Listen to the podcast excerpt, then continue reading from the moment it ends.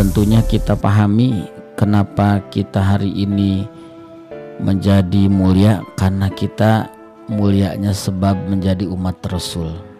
Kalaupun hari ini kita tidak menjadi umat Rasul, alangkah kita menjadi orang yang sangat hakir, yang sangat hina.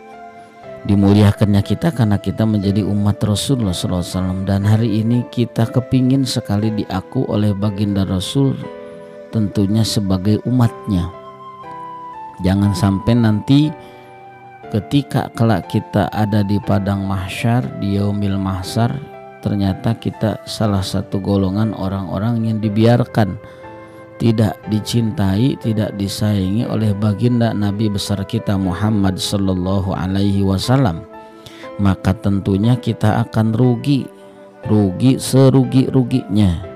Rugi kita hidup di dunia tapi ternyata ketika kita ada di alam dunia tidak pernah melihat dan melihat sosok baginda Rasulullah wasallam. Tidak mau menghafal. Menghafal bagaimana sejarah Rasulullah Shallallahu Alaihi Wasallam. Sedangkan para ulama-ulama saja baik ulama-ulama khalaf, ulama-ulama salaf, ulama-ulama yang terdahulu, ulama-ulama yang sekarang mereka terus bagaimana caranya mereka diaku sebagai umat Rasulullah Shallallahu Alaihi Wasallam.